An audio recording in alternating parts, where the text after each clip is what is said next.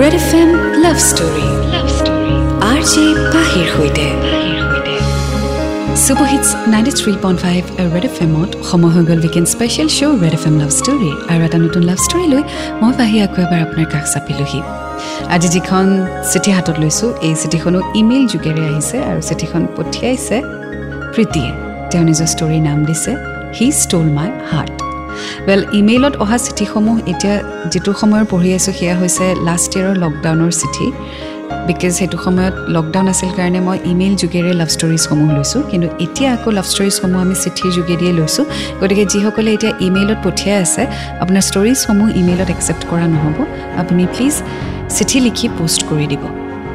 চাহক আজি শুনো প্ৰীতিৰ লাভ ষ্টৰী হাই পাহিবা আশা কৰোঁ আপোনাৰ ভাল। মোৰ নাম প্ৰীতি। মই বৰ্তমান বি এ পঢ়ি আছোঁ। পাহিবা প্ৰথমে মই আপোনাক আন্তৰিক মৰম যাচিলোঁ। আপোনাৰ এই শ্ব'টি মোৰ খুবেই প্ৰিয়। বহুত সময়ৰ পৰাই মই মোৰ লাভ ষ্টৰী আপোনাক পঠিয়াম বুলি ভাবি আছিলোঁ। সেয়েহে আজি ষ্টৰীটি লিখিবলৈ ল'লোঁ। লিখাত বহুতো ভুল ভ্ৰান্তি হ'ব পাৰে তাৰ বাবে ক্ষমা কৰে যেন। ষ্টৰীটিৰ নাম হি ষ্ট'ল মাই হাৰ্ট চ' আজি আমি শুনিম প্ৰীতিৰ ষ্টৰী আপুনিও আপোনাৰ ষ্টৰীসমূহ চিঠিৰ যোগেৰে পঠিয়াই থাকিব। ঠিকনাসমূহ আপুনি ইউটিউবত শেষত ভিডিঅ'টিৰ শেষত এড্ৰেছটি পাব আৰু নতুবা আপুনি ডেছক্ৰিপশ্যনতো এড্ৰেছটি পাব। চ' তাৰ পৰা আপুনি নোট ডাউন কৰি চিঠিসমূহ লিখি পঠিয়াই দিব।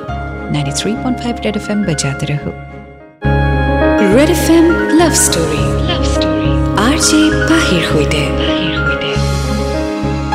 Ninety three point five Red F এমত মই আপোনাৰ সৈতে। Pahi and welcome back to the show' Red F M love story আজি শুনি আছোঁ he stole my heart Preeti story আগলৈ তেওঁ লিখিছে মোৰ লাভ ষ্টৰী ষ্টাৰ্ট হৈছিল দুবছৰ আগত।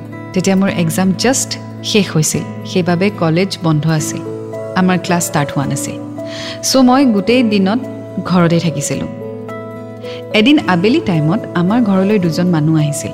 তেওঁলোক কিবা কামত আমাৰ ঘৰলৈ আহিছিল আৰু বাহিৰতে বহি তেওঁলোকে মোৰ মা দেউতাৰ লগত কথা পাতি আছিল। মই ঘৰৰ পৰা বাহিৰত ওলাই যোৱা নাছিলোঁ। তেওঁলোকে কথা পাতি থকাত মই মনে মনে দৰ্জাৰ ফাকেৰে চাইছিলোঁ যে কোন আহিছে। আৰু মই দেখিছিলোঁ যে আমাৰ চিনাকি এজন দাদা আৰু তেওঁৰ লগত আন এজন ল'ৰা আহিছিল। সেই ল'ৰাজন কোন আছিল মই কিন্তু চিনি পোৱা নাছিলোঁ। চ' ইয়াৰ পিছত কি হয়? তেওঁ বহলাই লিখিছে আমিও আগুৱাই গৈ থাকিম আজি ষ্টৰীৰ সৈতে। Ninety three point five Red F M বাজাতে ৰহ। Red F M love story love story R J পাহিৰ সৈতে। ৱেলকাম বেক শ্ব' চলি আছে weekend special Red F M love story আৰু মই আছোঁ আপোনাৰ সৈতে পাহি। শুনি আছোঁ প্ৰীতিৰ story he stole my heart আগলৈ তেওঁ লিখিছে কিছু সময় পিছত তেওঁলোক আমাৰ ঘৰৰ পৰা গুচি গ'ল। সেইদিনা গধূলিয়ে মোৰ দাদায়ে মোৰ মা আৰু দেউতাৰ লগত কথা পাতি আছিলে।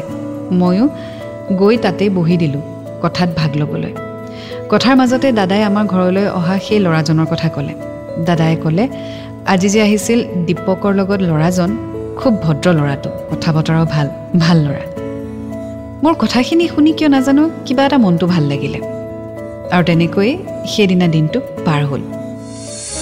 চ' যিজন ল'ৰা তেওঁলোকৰ ঘৰলৈ আহিছে প্ৰীতিৰ ঘৰলৈ ল'ৰাজনক প্ৰীতিয়ে চিনি নাপায় কিন্তু ককায়েকে সেই ল'ৰাজনৰ প্ৰশংসা কৰিছে আৰু সেই কথাটো প্ৰীতিৰ ভাল লাগিছে। তাহাবলৈ কি হয় জানিবলৈ অকণমান অপেক্ষা and ninety three point five Red F M ৰহ Red F M love story. R J পাহিৰ সৈতে। ৱেলকাম বেক আৰু শ্ব' চলি আছে Red F M love story on super hits ninety three point five Red F M শুনি আছোঁ আজি প্ৰীতিৰ story he stole my heart আগলৈ তেওঁ লিখিছে দুদিনমান পাছত মই মোৰ দেউতাৰ ফোনটো চাই থকাত দেউতাৰ ফেচবুক একাউণ্টত এটা ফ্ৰেণ্ড ৰিকুৱেষ্ট দেখা পালোঁ। মই একাউণ্টটো চাই গম পালোঁ যে সেই ফ্ৰেণ্ড ৰিকুৱেষ্টটো আমাৰ ঘৰলৈ যে সেইদিনা আহিছিল ল'ৰাজন তেওঁ পঠিয়াইছে। লগতে মই তেওঁৰ নামটোও গম পালোঁ। তেওঁৰ নাম জুন। আৰু মই ফ্ৰেণ্ড ৰিকুৱেষ্টটো একচেপ্ট কৰি দিলোঁ যিহেতু জোনে দেউতাক চিনি পায়।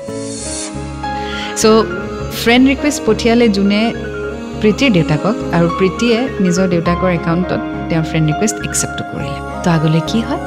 জানিবলৈ অকণমান অপেক্ষা কৰক। And ninety three point five Red F M বেজাতে ৰহ Red F M love story love story R J পাহিৰ সৈতে।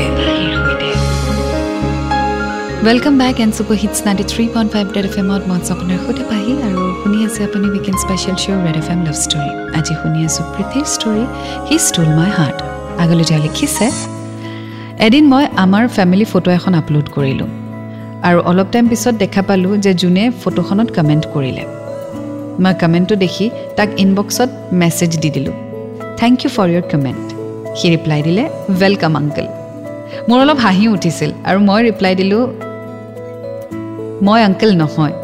সি তেতিয়া কোন বুলি সোধাত মই ৰিপ্লাই দিলোঁ যাক আংকল বুলি কৈছে মই তেওঁৰ ছোৱালী। সি অলপ নাৰ্ভাছ হোৱা নিচিনা লাগিলে আৰু অ'কে বুলি ক'লে। ময়ো হয় বুলি ক'লোঁ আৰু তেনেকৈ বাই দি অকণমান সময় কথা পাতি ফেচবুকৰ পৰা লগ আউট কৰিলোঁ। চ' দেউতাকৰ একাউণ্টটো তাৰমানে প্ৰীতিয়ে চলাই আছে। আৰু দেউতাকৰ হৈ তেওঁ মেছেজ দিছে ডেফিনেটলি ল'ৰাজনে মেছেজৰ ৰিপ্লাইও তেনেকৈয়ে দিব। But of course something is growing between them আৰু সেয়া কি হয়? আমি গম পাম ninety three point five red F M বাজাতে ৰহো red F M love story love story R J পাহিৰ সৈতে super hits ninety three point five red F M and welcome back to the show' red F M love story আজি শুনি আছোঁ প্ৰীতিৰ story he stole my heart আগলৈ তেওঁ লিখিছে সেইদিনাৰ পিছৰ পৰা জুন আৰু মোৰ মাজত মাজে মাজে মেছেজতে অলপ চলপ কথা পতা ষ্টাৰ্ট হ'ল লাহে লাহে আমাৰ মাজত কথা বতৰা অলপ বেছিকৈ হ'ব ধৰিলে। মই তেতিয়া ডিগ্ৰী ষ্টুডেণ্ট আছিলোঁ। আৰু মই জুনৰ পৰা এইটোও জানিব পাৰিছিলোঁ যে তাৰ ঘৰ আমাৰ ঘৰৰ পৰা বেছি দূৰ নহয়। আমি অতি সোনকালে ভাল ফ্ৰেণ্ড হৈ পৰিলোঁ। আমাৰ মাজত ফোন নম্বৰছো এক্সচেঞ্জ হ'ল আৰু কথা লাহে লাহে বাঢ়িব ধৰিলে। জুনৰ কথা বতৰা তাৰ ভদ্ৰ স্বভাৱ তাৰ পাৰ্চনেলিটি সকলোবোৰ মোৰ খুবেই ভাল লাগিছিল। তাৰ ব্যৱহাৰ খুবেই ভাল। আৰু এনেকৈ দিনবোৰ পাৰ হৈ গৈ আছিল। এদিন সি মোক মেছেজ দিলে আৰু কল কৰিবলৈ ক'লে। মই কিন্তু নকৰোঁ বুলি ক'লোঁ কাৰণ মই তাৰ লগত ইয়াৰ আগতে কেতিয়াও কলত বা সন্মুখত কথা পাতি পোৱাই নাছিলোঁ। সি বহুত জোৰ কৰাত মই কল কৰিলোঁ কিন্তু সি হেল্ল' বুলি কওঁতেই মই নাৰ্ভাছ হৈ ফোনটো কাটি দিলোঁ। সি আৰু কল কৰিবলৈ জোৰ কৰিলে। শেষত মই আকৌ কল কৰি লাহেকৈ হেল্ল' বুলি ক'লোঁ। আৰু হেল্ল' কৈয়ে আকৌ কলটো কাটি দিলোঁ। সি তেতিয়া মোক মেছেজত দিলে ইমান লাজ নে তোমাৰ? ময়ো অলপ নাৰ্ভাছেই হ'লোঁ। সি হঠাৎ ক'লে তুমি কোৱা হেল্ল'টো মোৰ কাণত এতিয়াও বাজি আছে। কথাষাৰ শুনি মোৰ বহুত বেছি ভাল লাগিছিল।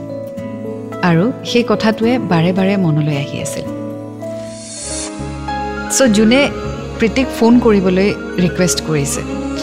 প্ৰীতিয়ে বাৰু ফোন কৰিলে বাট নাৰ্ভাছনেছৰ কাৰণে তাই ফোনটো কাটি কাটি দিছে। এতিয়া তেওঁলোকৰ মাজত কমিউনিকেশ্যন হ'বনে? অ'ভাৰ ফোন জানিবলৈ শুনি থাকক আজি story the. And ninety three point five red F M বজাতে ৰহ red F M love story love story R J পাহিৰ সৈতে।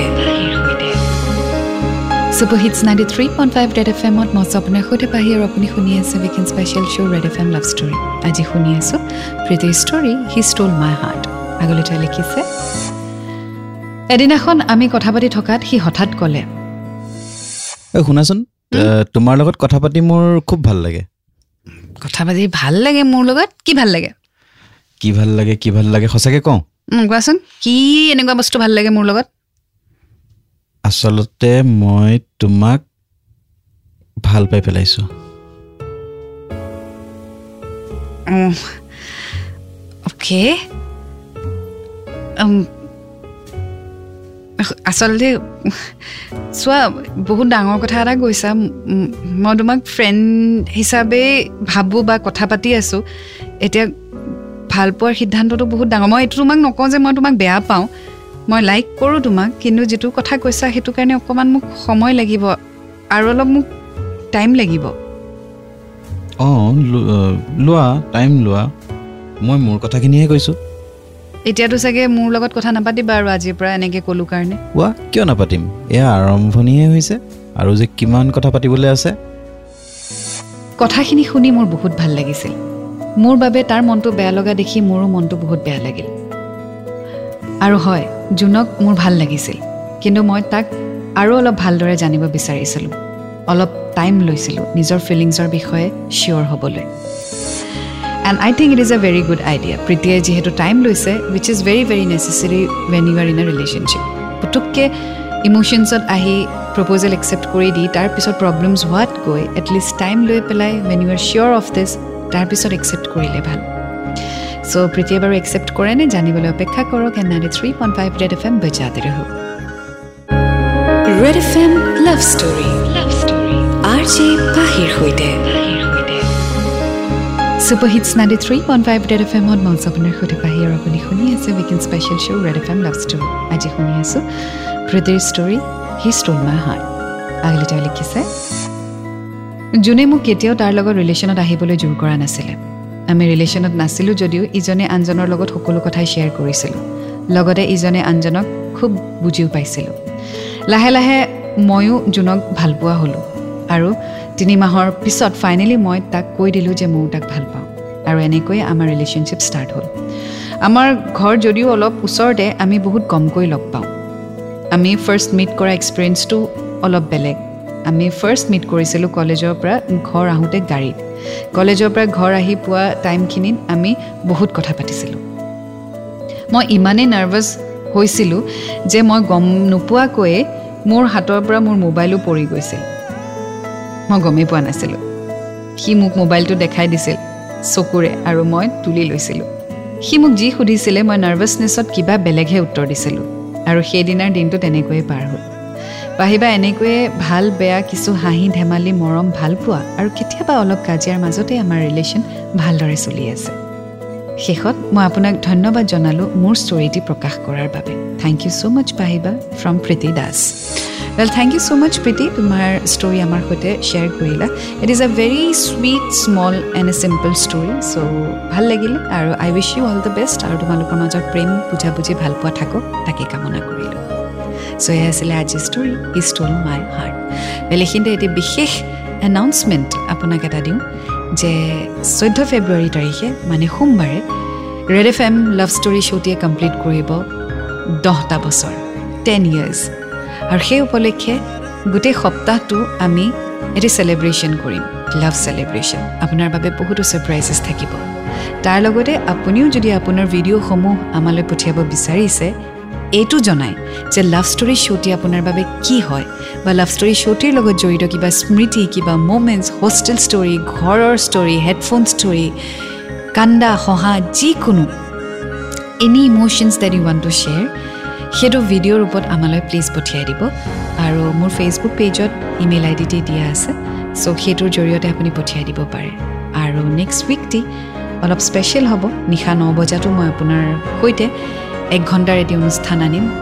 Just because of ten years of celebration of togetherness so' I wish you all the best those who are in love and those who are not in love stay happy because love will find you আকৌ লগ পাম ten years special এটি love ষ্টৰীৰ সৈতে until then do fall in love it's a great feeling you will get to learn a lot and always remember I love you ninety three point five red